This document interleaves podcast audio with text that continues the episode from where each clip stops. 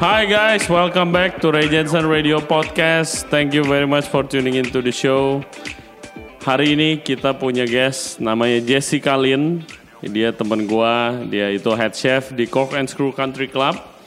Jadi kalau yang udah pernah nonton episode kita sama Bang Nando, dia itu eksekutif chefnya. Uh, basically bosnya dia. Nah sekarang kita mau discuss itu bedanya apa sih uh, head chef, executive chef, chef de party, ada sous chef, executive sous chef dan seterusnya. Kita akan coba discuss karena banyak yang nanya. Dan juga kita mau ngomongin yang pastinya background dia gimana bisa dia bisa jadi seperti sekarang nih. Gitu, udah cewek jago masak, jadi head chef salah satu restoran paling successful di Jakarta. Luar biasa deh luar biasa deh. Oke J langsung aja J pertama kongres dulu udah buka lagi Thank you. gua denger juga Cock and Screw udah mulai rame lagi biarpun masih 50% Eh, tapi delivery masih jalan kan Delivery jalan. Yoi, jadi menurut gua itu yang sangat luar biasa dari eh, grupnya Union Group itu nggak mau PSBB selalu ada caranya aja supaya makanannya tuh jalan.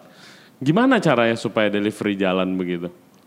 Kalau buat delivery gitu sih kita punya tim marketing sendiri. Hmm, Terus sama jadi dari tim marketing itu di subsnya itu ada Salesforce. Jadi di- mereka itu staff yang bakal teks tamu terus. hmm, hmm, Kayak buat taking dari eh, taking order dari tamu. hmm, hmm.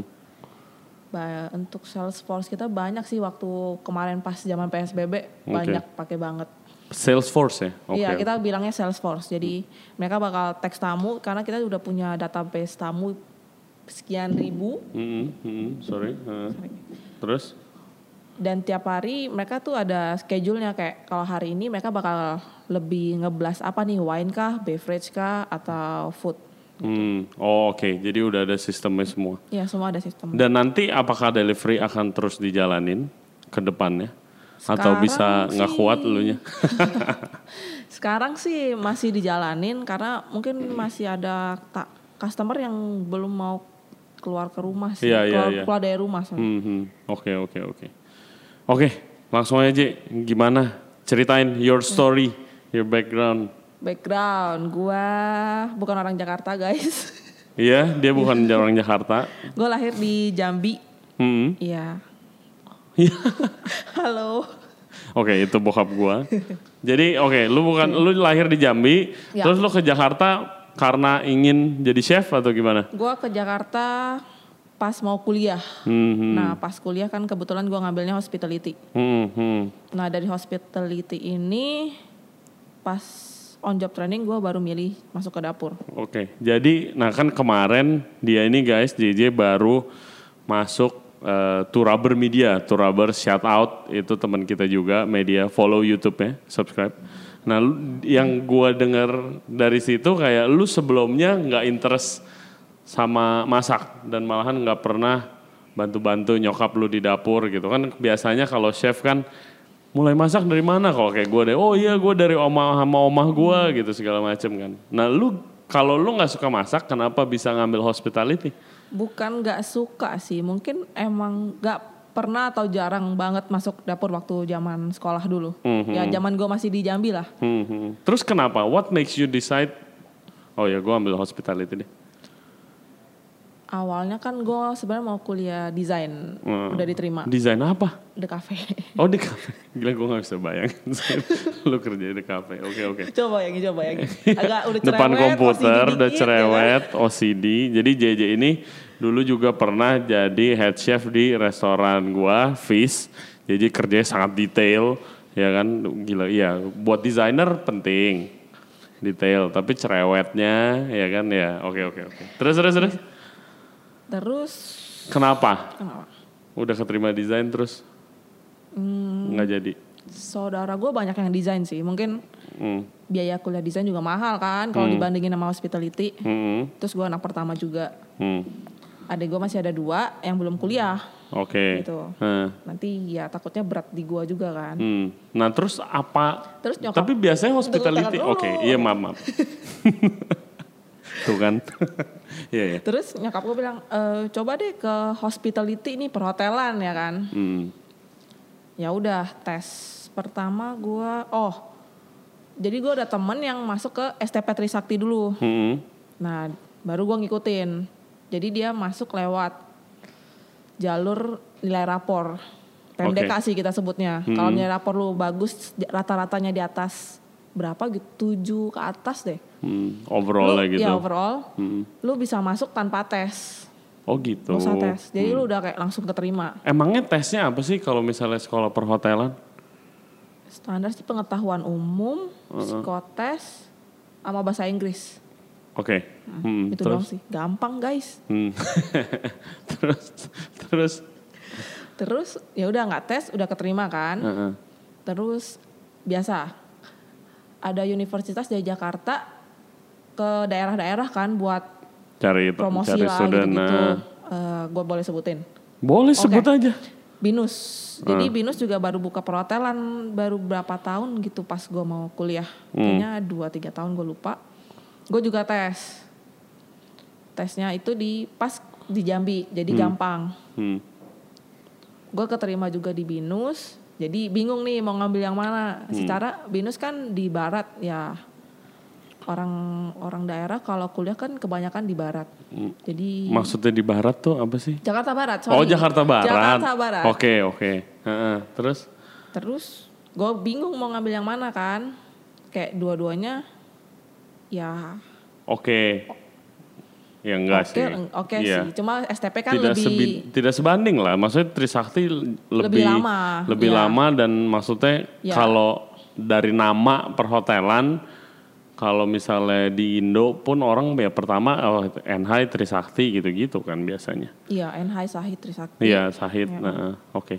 Terus dari sekolah kalau sekolah perhotelan gitu, lu udah tahu oke, jadi gua ngambil yang bagian chef-chefnya aja deh, apa semuanya juga sih? Oh enggak, kalau di STP ini lu belajar keseluruhan Hmm, dari jadi kayak sampai front lu office, jadi housekeeping, housekeeping guys. gitu segala macam. Iya. Ha, ha. Oke dari oke. housekeeping. Jadi kayak kalau dua tahun pertama lu masih belajar housekeeping, reception, Hmm, kitchen, pastry, hmm, lebih ke operasional. hmm, Terus kan on job training satu tahun hmm. Di mana? biasanya. Tapi karena gua program belajar gua beda, gua dapat on job trainingnya satu setengah tahun.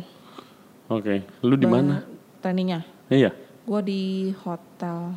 Hotel apa? Aston yang di Rasuna Epicentrum. Oh oke oke. Lu jadi kayak stagiaire gitu ya? Apa? Iya, stagiaire. Magang lah Ya, kayak orang magang gitu kan. Nah, Oke habis oke. dari situ jadi itu lu gua tahun berarti enam bulan pertama gua di Aston. Hmm. Satu tahun terakhir tuh gua di The Groove Suite Di mana tuh? di daerah Epicentrum juga. Heeh. Di depannya TV One. TV Oke. One atau Antv Heeh, tuh heeh. ada hotel. Waktu gua mau masuk situ mereka lagi mau opening. Jadi gua jatuhnya bukan training tapi gua kerja. Hmm. Tapi nanti pas selesai itu gue minta sertifikat buat nunjukin kalau gue training. Jadi kayak dibebasin lu boleh kerja, boleh training. Ngerti? Iya mendingan kerja Iya. lah. Iya kan? Ya, Iya mendingan ya kerja. dapet. Ya pas lagi hoki aja kali gue. Hmm. Terus lu selama karir lu ini kita kenal itu pertama waktu lu jadi sous chef.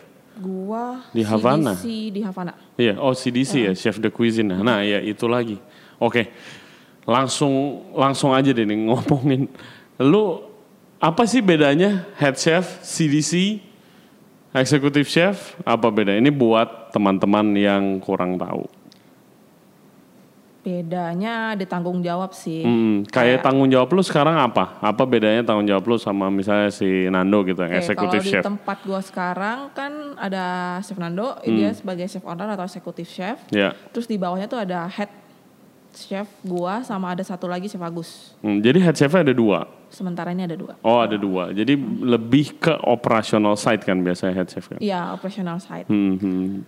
Untuk gua itu dimintanya lebih ke food detailing sih. Hmm. Jadi kayak kalau apa pun yang berurusan sama makanan, Chef Nando pasti ngomongnya sama gua dan gua yang jalanin. Hmm.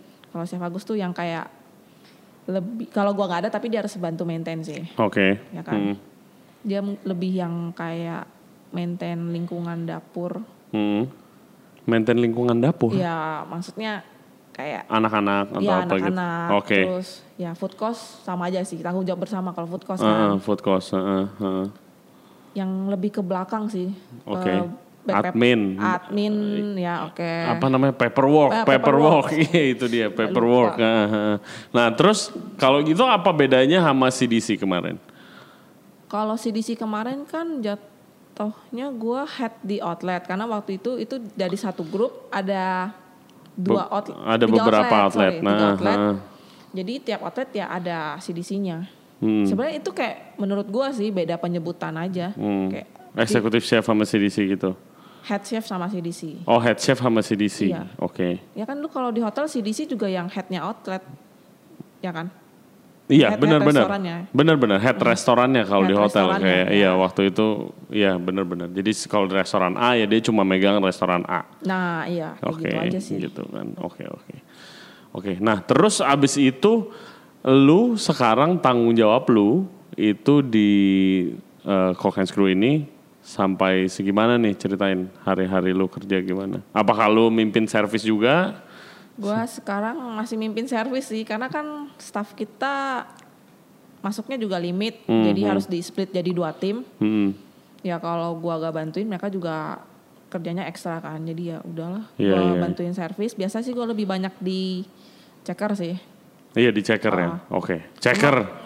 J, Checker, oke Abu Aye. Abu Aye dibilangnya checker. checker. Itu uh, kerjaan yang paling apa ya? Paling penting menurut gua karena itu komunikasi Penting, di ribet, ya Komunikasi lu di harus fokus juga depan. sih ngerjain itu. Yoi, yoi. Jadi kalau misalnya kalian lihat guys di dapur, yang orang kitchen pasti udah tahu biasanya head chef itu jarang masak. Kenapa? Karena kerjaannya kalau lagi service itu palingan ya itu expediting apa namanya Eh, checker bilangnya di sini jadi checker di mana dia harus ngatur makanan yang keluar dulu yang table Yang- mana makanan apa yang keluar dulu dan lain sebagainya yoi nah terus kemarin lu sempat catering juga sama anak-anak Catering, oh ya, private Yoi. catering ya. Iya, itu seru banget sih kayaknya. sih. Itu- Gua nggak bisa sih waktu itu. Gue juga lagi itu ada juga catering ada proyeknya tuh dadakan sih sebenarnya pas gue lagi ketemu sama kade kade lagi nganter, nganterin sourdough ke gue Eh,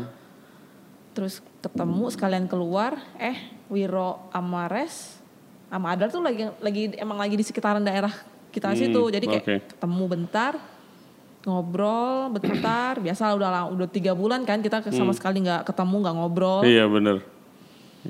terus gak lama ada tawaran private dining. Hmm. ya udah. Ada yang mau kerjain nggak? Nih ada tolong dijawab dong ada yang mau nggak gitu. Urgent nih buat weekend itu hari jadi hamin tiga. Hamin tiga malam lagi kan. Hmm. terus ya udah tapi nggak mau sendiri ah males capek ya kan Iya, iya, maksudnya bia- iya, biasanya biasanya begitu.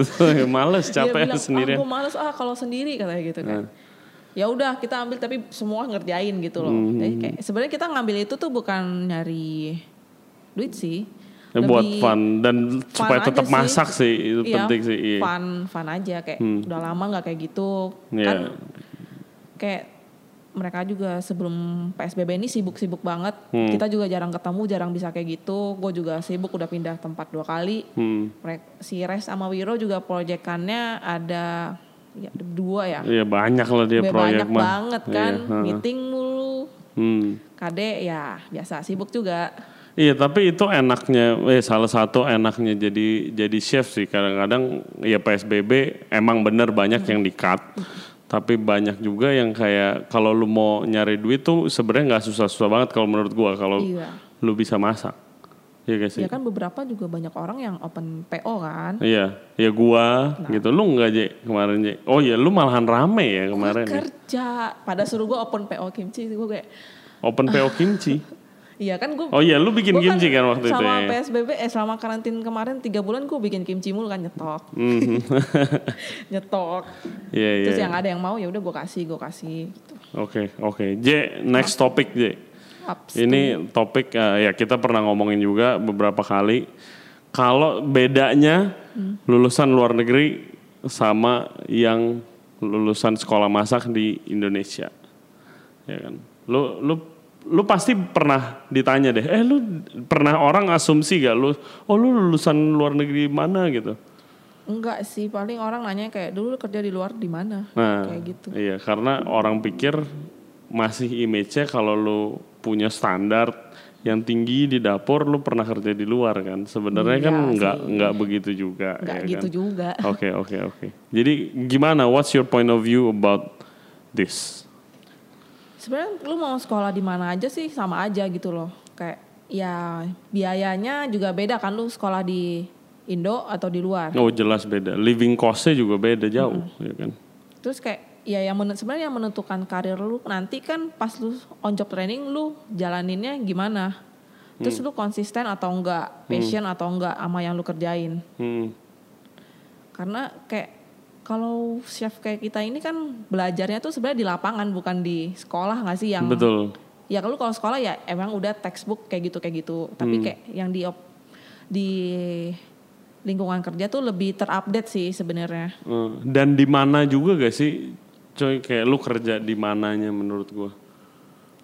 Di di Lu di kerja outlet yang di mana? Jadi ke di outlet yang mana menentukan misalnya atasan lu siapa ya gitu yang sebenarnya bisa. kayak ya leader lu siapa lu kerja di mana terus kayak restoran yang restoran atau hotel yang tempat lu kerja tuh lu lagi dapetnya sectionnya yang gimana itu nentuin juga sih Iya, terus kayak gini. Restoran kayak Cork and Screw Country Club gitu, Hmm. yang oke, keren, rame gitu. Itu terima gak sih Om Dejo eh, orang training-training gitu? terima Terima ya? Justru- iya tapi limit sih kema terakhir Iya pasti ada limitnya satu dua tiga tiga atau empat orang doang Hmm, kalau buat di di kitchen Iya, dulu waktu waktu gua dulu gua assume soalnya kayak biasa orang on the job training tuh kan ke hotel kan kalau dulu kan. iya Iya kan, menurut gua ya lebih bagus kalau lu langsung ke restoran sih menurut gua lebih bisa banyak apa namanya, lu kerjain banyak lah. Gue inget dulu di hotel ada satu orang kerjanya cuma bungkus dimsum dari gua masuk kerja sampai gua resign itu dia tiap hari bungkus dimsum doang nggak nggak Rapi itu. dong. rapi banget Iya. luar biasa rapinya luar biasa tapi ya kalau lu mau grow your career lu harus bisa belajar different skill ya Iya menurut gua nah terus abis itu oke selain se- jadi gimana caranya lu itu bisa sampai sekarang nih. Gimana trik kasih kasih listeners and viewers gua tips tips tips, Tips and, and trick. tricks. tips and trick buat jadi supaya sukses sekarang tanpa lu udah nggak usah keluar negeri. Karena gua agree itu lu nggak perlu sampai keluar negeri sekarang apalagi di belajar lu dari internet pun bisa gampang sekarang. Kalau menurut gua find a new recipe ya. Yang coba kasih tips and trick. Karena menurut gua yang paling gua paling annoying sama eh, ada beberapa s- di sini itu kalau misalnya gua suruh atau gua minta sebagai chef gua minta lu bikin masakan bikinin dong menu apa gini segala macam bikin menu itu selalu hampir masaknya di tempat yang dia udah pernah kerja disajikan gitu kan. Ini gua nggak ngomongin head chef atau eh eh, eh gue nggak ngomongin bawahan gitu loh. Ini gua ngomongin yang kayak udah ada di leader, leadership position gitu. nah untuk membangun itunya justru hal itu kan yang penting untuk supaya lu kalau mau jadi head chef kan lu gimana lu create menu gimana lu memimpin tim udah nggak dilihat lagi masaknya jago apa enggak iya sih. Iya kan? Nah itu gimana membangun hal itu Ji? Yang pertama sih ini buat yang masih ijo nih masih baru ya. Hmm. kayak kalian kerja di dapur tuh kalian harus punya attitude yang bagus Hmm. kayak ya kalau chef lu nyuruh apa dengerin gitu loh mereka pasti punya reason kenapa nyuruhnya dengan cara A atau Hmm. cara B gitu loh kalau nggak ya kalau menurut lu nggak masuk akal ya lu coba tanya aja kenapa gitu loh, alasannya apa gitu kadang kan mungkin kita cuma nyuruh, eh tolong bikin ini dong tapi ininya maunya diginiin dulu ya nggak mau langsung dicampur gitu hmm. ya kan Hmm. Hmm. Ya ya ya ya ya. Kayak lu bikin nasi goreng, bisa aja semua lu aduk semua jadi satu di wok. bisa Ya tumplungin semua. iya Ama lu saute garlicnya dulu atau saute si egg-nya dulu kan. Hmm. Hmm. Hasilnya pun beda. Yep. Oke, oke. Ya, follow orders. Follow orders. Nah, terus selain itu kasih dong. Oh iya, sih iya belum selesai. Oh ya. Terus ya belajar sebanyak mungkin gitu loh. Hmm. Ya emang kalian training atau kerja di mana pun pasti ada resipi. Tapi lu manusia, lu punya lidah gitu loh. Ris- Emang ada resipi tapi lu tetap harus nyobain. Hmm. Kadang tuh beberapa staff gue ada yang kayak kalau ditanya ini kenapa ya kok aneh menurut gue. Eh. Enggak kok ini udah sesuai sama resipi. Oh Eh, iya, ya jarang kan? nyobain, jarang nyobain. Itu. Iya iya iya iya iya. iya. Kenapa Lu ya? cobain gitu loh. Hmm. Kayak apa pun yang lu prep produk apalagi yang udah big batch gitu. Lu harus cobain. Jangan kayak ya lu tiap hari kalau bikin aioli lu tahu kan konsistensi aioli yang kayak harus hold gitu. Ya, aioli ini mayones dan garlic dan olive oil, Ya. ya saus dipping sauce lah. Nah, terus terus. Terus pas lagi gua pakai kok encer ya? Terus kayak gue langsung tanya dong, ini produk tanggal tanggal berapa? Siapa yang bikin gitu. Hmm, Kalau temennya nutupin temennya yang lain, iya. kan kalau labeling di gua itu ada produk, Hmm, tanggal sama nama biasanya. hmm, Jadi, jadi pas kemarin gua cek itu nggak ada namanya. nah. Tapi ya, sering terjadi juga. sering terjadi di ibu kota. Iya. Kesel. gitu. Maksudnya kayak kita mau tahu itu siapa yang bikin, biar kita bisa benerin, bukan mau kita mau marahin gitu loh. Hmm, hmm. Pas gua tanya ke salah satu staff gua, ini siapa ya yang bikin? Bukan lu, gua tahu ini bukan tulisan lu, gua bilang. Hmm. Terus dia nggak nggak mau jawab, Hmm. ya nutupin temennya. Nutupin temennya, ya nutupin itu juga temennya. nutupin Tapi ya temennya. emang pas gua komplain sama dia produknya nggak sesuai standar, dia langsung kayak iya langsung dibenerin sama dia. Kayak Hmm. Dia nggak nggak nanya ke gua gimana cara benerinnya, dia benerin sendiri kayak pas gue liat oh oke ya udah. Oke. Oke, oke. Nah, ya itu dia. Jadi itu udah rusak apa bagaimana sih?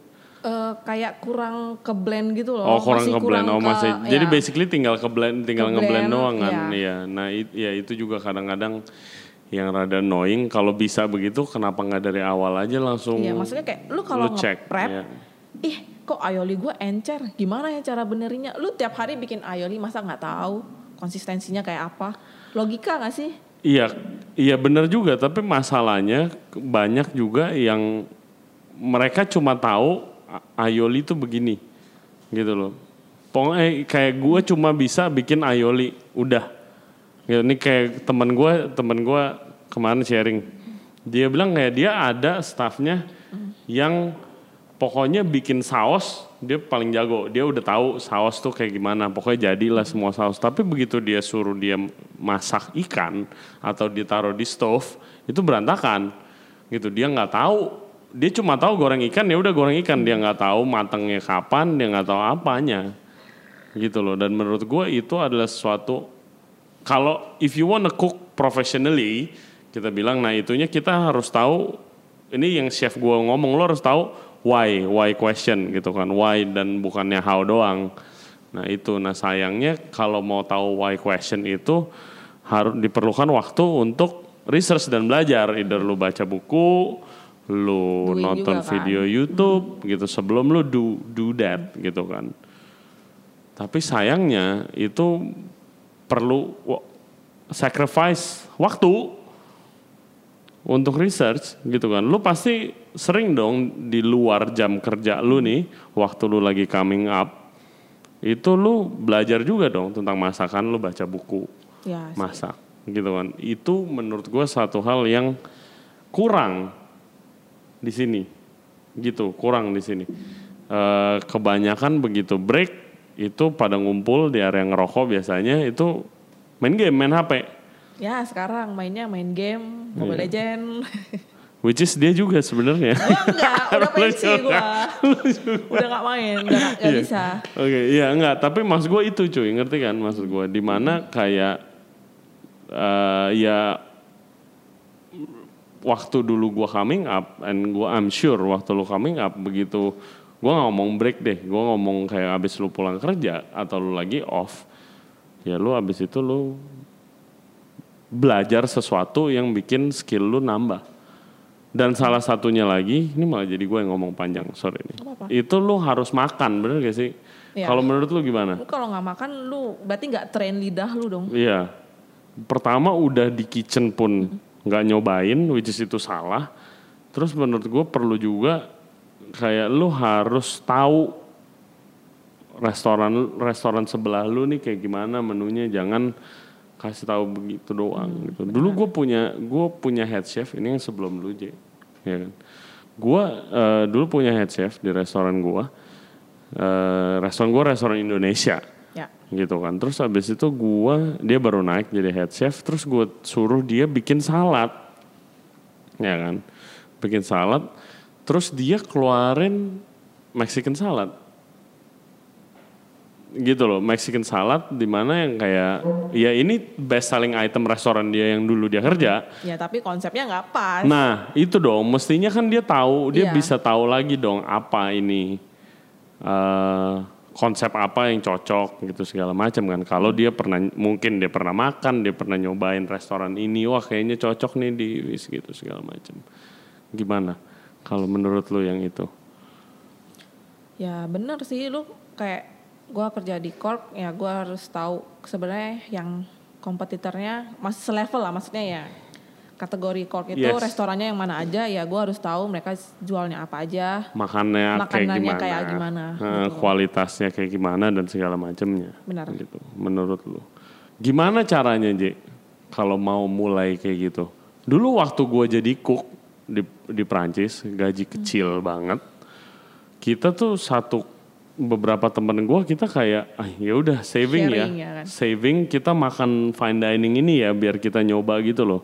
Gue kerja di tempat eh, semi fine dining, di mana kalau lu mau yang kayak tadi itu mahal banget harganya, which is tapi gaji kita ya berapa sih gitu kan cook kok.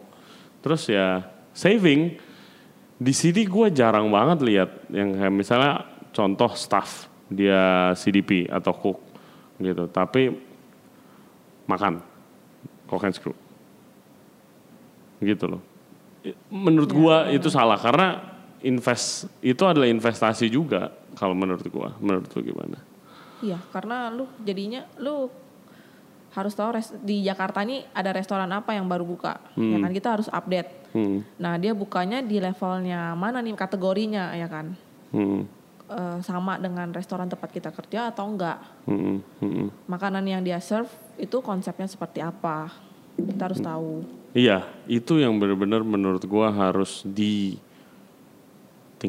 sih menurut gua. Lu nyobain guys. Jadi please kalau misalnya emang gua tahu apalagi lagi begini gitu ya. ya lagi begini ya ya udahlah Lagi begini, lagi begini ya udahlah. Tapi kalau misalnya nanti suatu saat nanti new normal udah bener-bener jadi normal aja, itu please invest your money di eh, buat lu nyobain makanan karena nyobain makanan itu adalah salah satu yang paling penting selain me, me- apa ya mem, membikin palet lu itu lebih bagus jadi lu tahu banyak rasa lu Benar. tahu saingan lu ya kan lu tahu mungkin in the future lu abis makan lu pengen kerja di situ karena lu pengen belajar tentang restoran itu segala macemnya itu sangat penting kalau menurut gua ya gaji ya lagian kan kayak lu kalian pasti punya teman chef juga yang kerja yang sa- masih satu posisi lah hmm.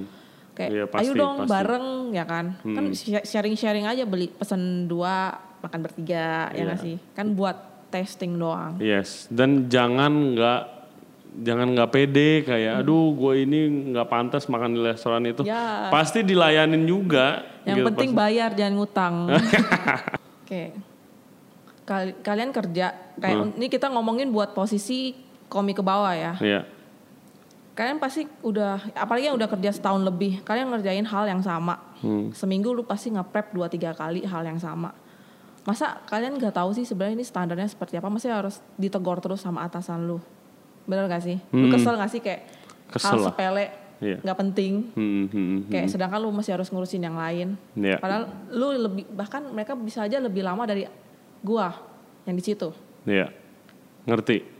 kayak kalian tuh sebenarnya harus punya logik sih kayak kalian harus tahu kalau kayak aioli itu konsistensinya harus seperti apa jadi kalau waktu kalian prep itu nggak benar kalian tuh udah harus benerin Hmm, harus udah ngambil decision gitu loh hmm, hmm. harus benerin kayak kalau nge-prep saus harus seperti apa ya jangan keenceran ya nggak sih Iya, iya, iya itu detail. Kadang kan, Makanya detail iya, lagi. kayak- Iya.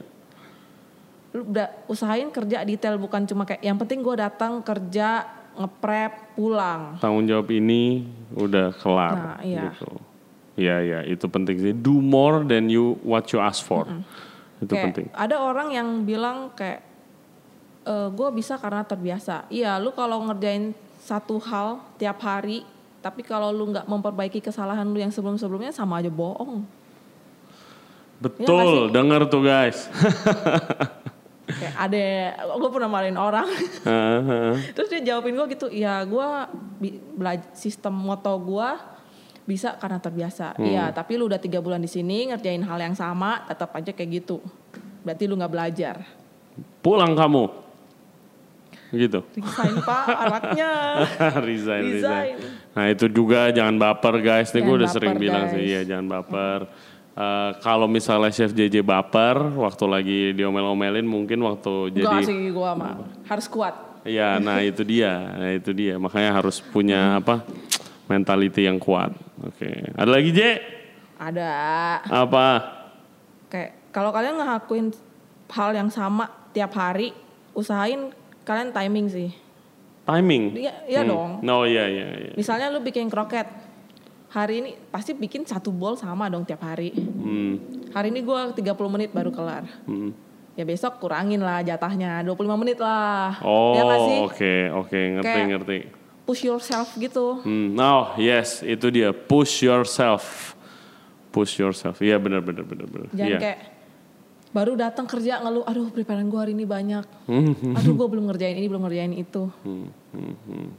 Oke. Sering gak sih staff lu kayak gitu? Sering banget, sering banget. Jadi kalau dulu trik gua untuk begitu, eh, kan gua kemarin waktu udah sempet jadi Hmm. bos di sini kan gue jadi bawahan lagi tuh di Denmark kan, jadi babu ngeprep lagi gitu kan. Gue terus itu gua kerja di restoran kan yang di mana satu item garnisnya bisa 15 gitu kan. Anjir. Kayak gitu. Jadi di mana gue sebagai yang paling rendah di sana, gue udah waktu hari pertama gue langsung catat, oke nih komponennya ini ini ini aja. Biarpun nanti ada yang kemis karena banyak nggak apa-apa. Terus gue ngobrol sama si servernya, eh, ini tuh ini tuh bener gak ini isinya apa aja segala macam. Course mana yang keluar duluan? Gue nanya servernya. Kok nanya sama servernya bukan nama leader yang Sibuk, oh sibuk. gitu sibuk sibuk. Dimarahin langsung ya kalau nanya. Ah di restoran itu sih kalau na- banyak nanya justru diomelin sih sebel gua. Ya terus abis itu eh, jadi gue nanya selalu nanya sama servernya dia lebih baik. Nah terus eh, ya itu gue list down dari awal sampai akhir apa aja yang gue harus buat step by stepnya itu gue list down. Tapi ya chef gue selalu bilang kayak itu push yourself gitu kan. Jadi kayak oke pertama gue lihat oh setelah abis break makan siang eh, jam 3 sore ternyata gue baru kelar berapa item nih. Oke besok gue harus udah kelar semuanya misalnya. Biarpun di kitchen udah kelar biasanya masih ada lagi yang nungguin nggak mungkin nggak ada kerjaan Ya, kan kalau di kitchen kayak gitu. Jadi push yourself triknya. Terus Detail. hmm, Kayak lu zaman training pasti suruh ngepick herbs gitu kan. Bete iya, nggak? Lu Bete, banget, kan? bete banget gue. Iya sangat Kan- bete. Kalau gue liat nih anak-anak sekarang tuh kurang suka yang ya ngepick herbs gitu sih. Kayak diremehin. Iya. Tapi nanti pas giliran lu pas udah di posisi yang harus jagain checker abu ya, lu garnish garnishnya jelek tuh sebel gitu. Iya, iya, iya. Jadi itu kalau misalnya you, eh, kalau kalian kerjaan kecil aja tuh nggak benar. Nah ya maksudnya itu Iya. kerjaan kecil kalian tuh harus benar detail itu tuh buat Nanti kalau udah dikasih tanggung jawab, selanjutnya. iya, yang kerjaan besar itu pasti udah benar. Kalau kerjaan benar. bener itu, eh kerjaan bener. Kalau kerjaan remehan aja, kerjaan receh aja bisa. Nggak bisa ya kan? Ya, itu jangan harapkan kal- atasan kalian akan kasih kalian tanggung jawab yang besar. Benar. Begitu. Last one ya, tips and trick yang paling gokil. Hit apa? Kerjanya pintar jangan kerja keras doang. Nah, itu juga eh men, itu gue sering dibilangin kayak gitu sih.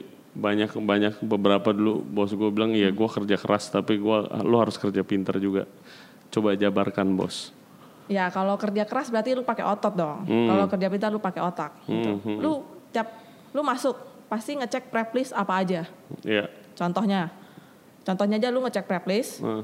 lu udah tahu list apa aja, lu udah bias, udah pernah nge-prep semua list itu semua, lu pasti udah tahu timingnya berapa lama, terus kayak ada beberapa yang bisa lu tinggal kayak habis lu masak-masak saute, harus lu simmer, bisa lu tinggal, terus lu bisa ngerjain yang lain, Iya. ya nggak sih? Bener.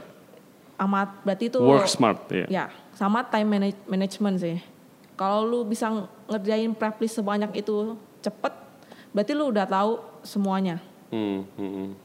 Iya, Mana iya, yang ada bisa beberapa ditinggal, mana yang nggak ada bisa, beberapa ada yang bisa beberapa staff disambil, ya nggak kayak iya lagi braising terus ditungguin gitu. Ya, sumpah, lagi saute ditungguin. Padahal lu biasa bisa ngerjain yang lain, ya nggak sih? Iya iya iya iya benar benar benar. Iya wah luar biasa guys. Jadi emang chef JJ ini eh, menurut gua salah satu chef yang paling detail and very very good at uh, what she do. Soalnya gue paling nggak suka orang kerja ngeprep lama. Lu Mhm. kalau ngeprep lama, lu pas servis juga nggak kelar-kelar nanti. Yoi, jadi service masih ada yang nge-prep juga ya itu Iya, udah nggak- kacau udah, Jadi kayak, udah kacau udah. Oh ada orderan, bikin orderan, abis itu udah kelar, prep lagi, nggak bakal kelar. Mhm, Iya. Gitu. Oke, jadi work di work in details, uh, care about the details, push yourself, Attitude yang bener. attitude yang benar. Oh ya itu udah pasti lah attitude Ya yang benar. kadang kan ada yang kayak, oh gue dari lulusan luar negeri nih, Eh, gue nggak mau dah ngepik-ngepik herbs. masa sih? Lah, duh.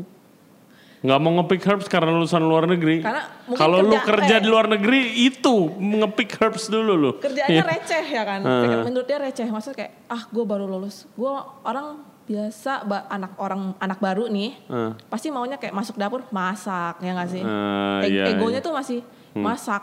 Iya bener-bener. Jangan ya jangan harapin dah. Lu semakin bagus restorannya kalau lu anak baru yang baru lulus masuk aja udah harus bersyukur. Ya lu jangan harap lu masak lah seenggaknya beberapa bulan deh. Masak juga paling sote sayur prep roast roast veggies. Terus veggie coba tolong dong. Apa harus masuk aduk-aduk-aduk masukin oven. iya itu tapi masak kan Masak ya kan, itu dia. tapi ya pasti mereka tuh maunya yang kayak di saute atau di Iya. josper, di grill ya nggak sih? jangan jangan harapkan itu dulu deh. Emang berharap bagus karena ini juga pengalaman gue sama begitu gue kerja. Gue pikir gue ya lu lihat di internet dulu segala macam kan keren banget orang di line gitu kan semangat. Tapi begitu gue kerja gue 8 bulan gue nggak megang jangankan kompor. Gue 8 bulan gue cuci piring cuci sayur gue gitu loh. Gue Jadi tiga bulan sih. jangan harapkan gitu. Itu aja gue masuk ke salad station itu karena ada yang nggak masuk. Ya. Terus habis itu kayak ya udah Ray lu bisa ya bisa. Ternyata bos gue bilang oh si Ray bisa. Jadinya ya Jadi di situ terus ya kayak gitulah. Kayak begitu. Oke guys, jadi poin-poinnya ya nanti gue masukin di sini lagi Asik. semuanya poin-poinnya. Please take notes. Jangan lupa main ke restorannya Chef JJ buat makan makanannya di Reservasi Cork Through jangan Country lupa. Club. Oh iya reservasi. sorry sorry. bukan Reservasi. sombong guys, tapi rame. Karena 50% doang yang boleh masuk. Alah biasa 100% juga ngantri-ngantri. Oh iya. Iya. Oke guys, jadi itu uh, itu aja tips and triknya uh, supaya if you wanna become a better cook and hopefully a chef one day. Thank you J Thank you. for coming. Semoga sukses Amin. dan tetap rame restoran-restoran lu semuanya. Biar semua Salam ke anak-anak dan ke Nando. siap. Yoi, guys, thank you very much for watching our video today. Jangan lupa like and subscribe videonya. Kalau ada kritik, saran untuk Regensen Radio Podcast, boleh tulis di komen atau DM gua. Boleh DM JJ juga kalau mau nanya-nanya di Instagramnya. Nanti di bawah aja. Oh, nanti di bawah. Di bawah aja. See the description below. Oke guys, thank you very much. Jangan lupa kita juga ada selain di YouTube, kita ada Apple Podcast, di Spotify, di Google Podcast dan Anchor, Anchor app. Oke, thank you very much again guys. We'll see you next time. Bye bye. Thank you Jay.